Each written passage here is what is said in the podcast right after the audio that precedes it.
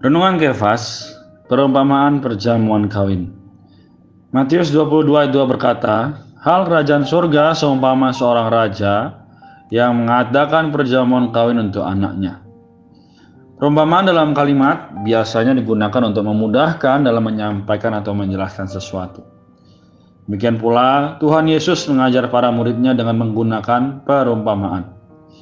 Dalam Matius 22, Tuhan membicarakan satu perumpamaan Perumpamaan perjamuan kawin dalam pasal ini mengacu kepada zaman perjanjian baru, di dalamnya terdapat kerajaan sorga.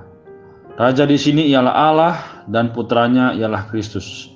Perjanjian baru digambarkan seperti suatu perjamuan kawin, dengan fokusnya terutama pada perkara kenikmatan di bawah anugerah atau kasih karunia. Sobat Kepas, dalam perumpamaan pada ayat di atas, Tuhan memberitahu bahwa di dalam perjamuan kawin tidak ada jari lelah, melainkan penuh dengan kenikmatan. Prinsip dasar dari perumpamaan yang Tuhan berikan adalah perkara menikmati. Teman-teman sekalian, bagaimana Tuhan mengajarkan murid-muridnya, kita perlu mengetahuinya. Kemudian apakah prinsip dasar perumpamaan perjamuan kawin tersebut? Semoga kita semakin mengerti. Kita juga perlu berdoa agar di dalam firman-Nya setiap kita dapat menikmati apa adanya Allah. Juga perlu berdoa agar kita mau menikmati firman-Nya.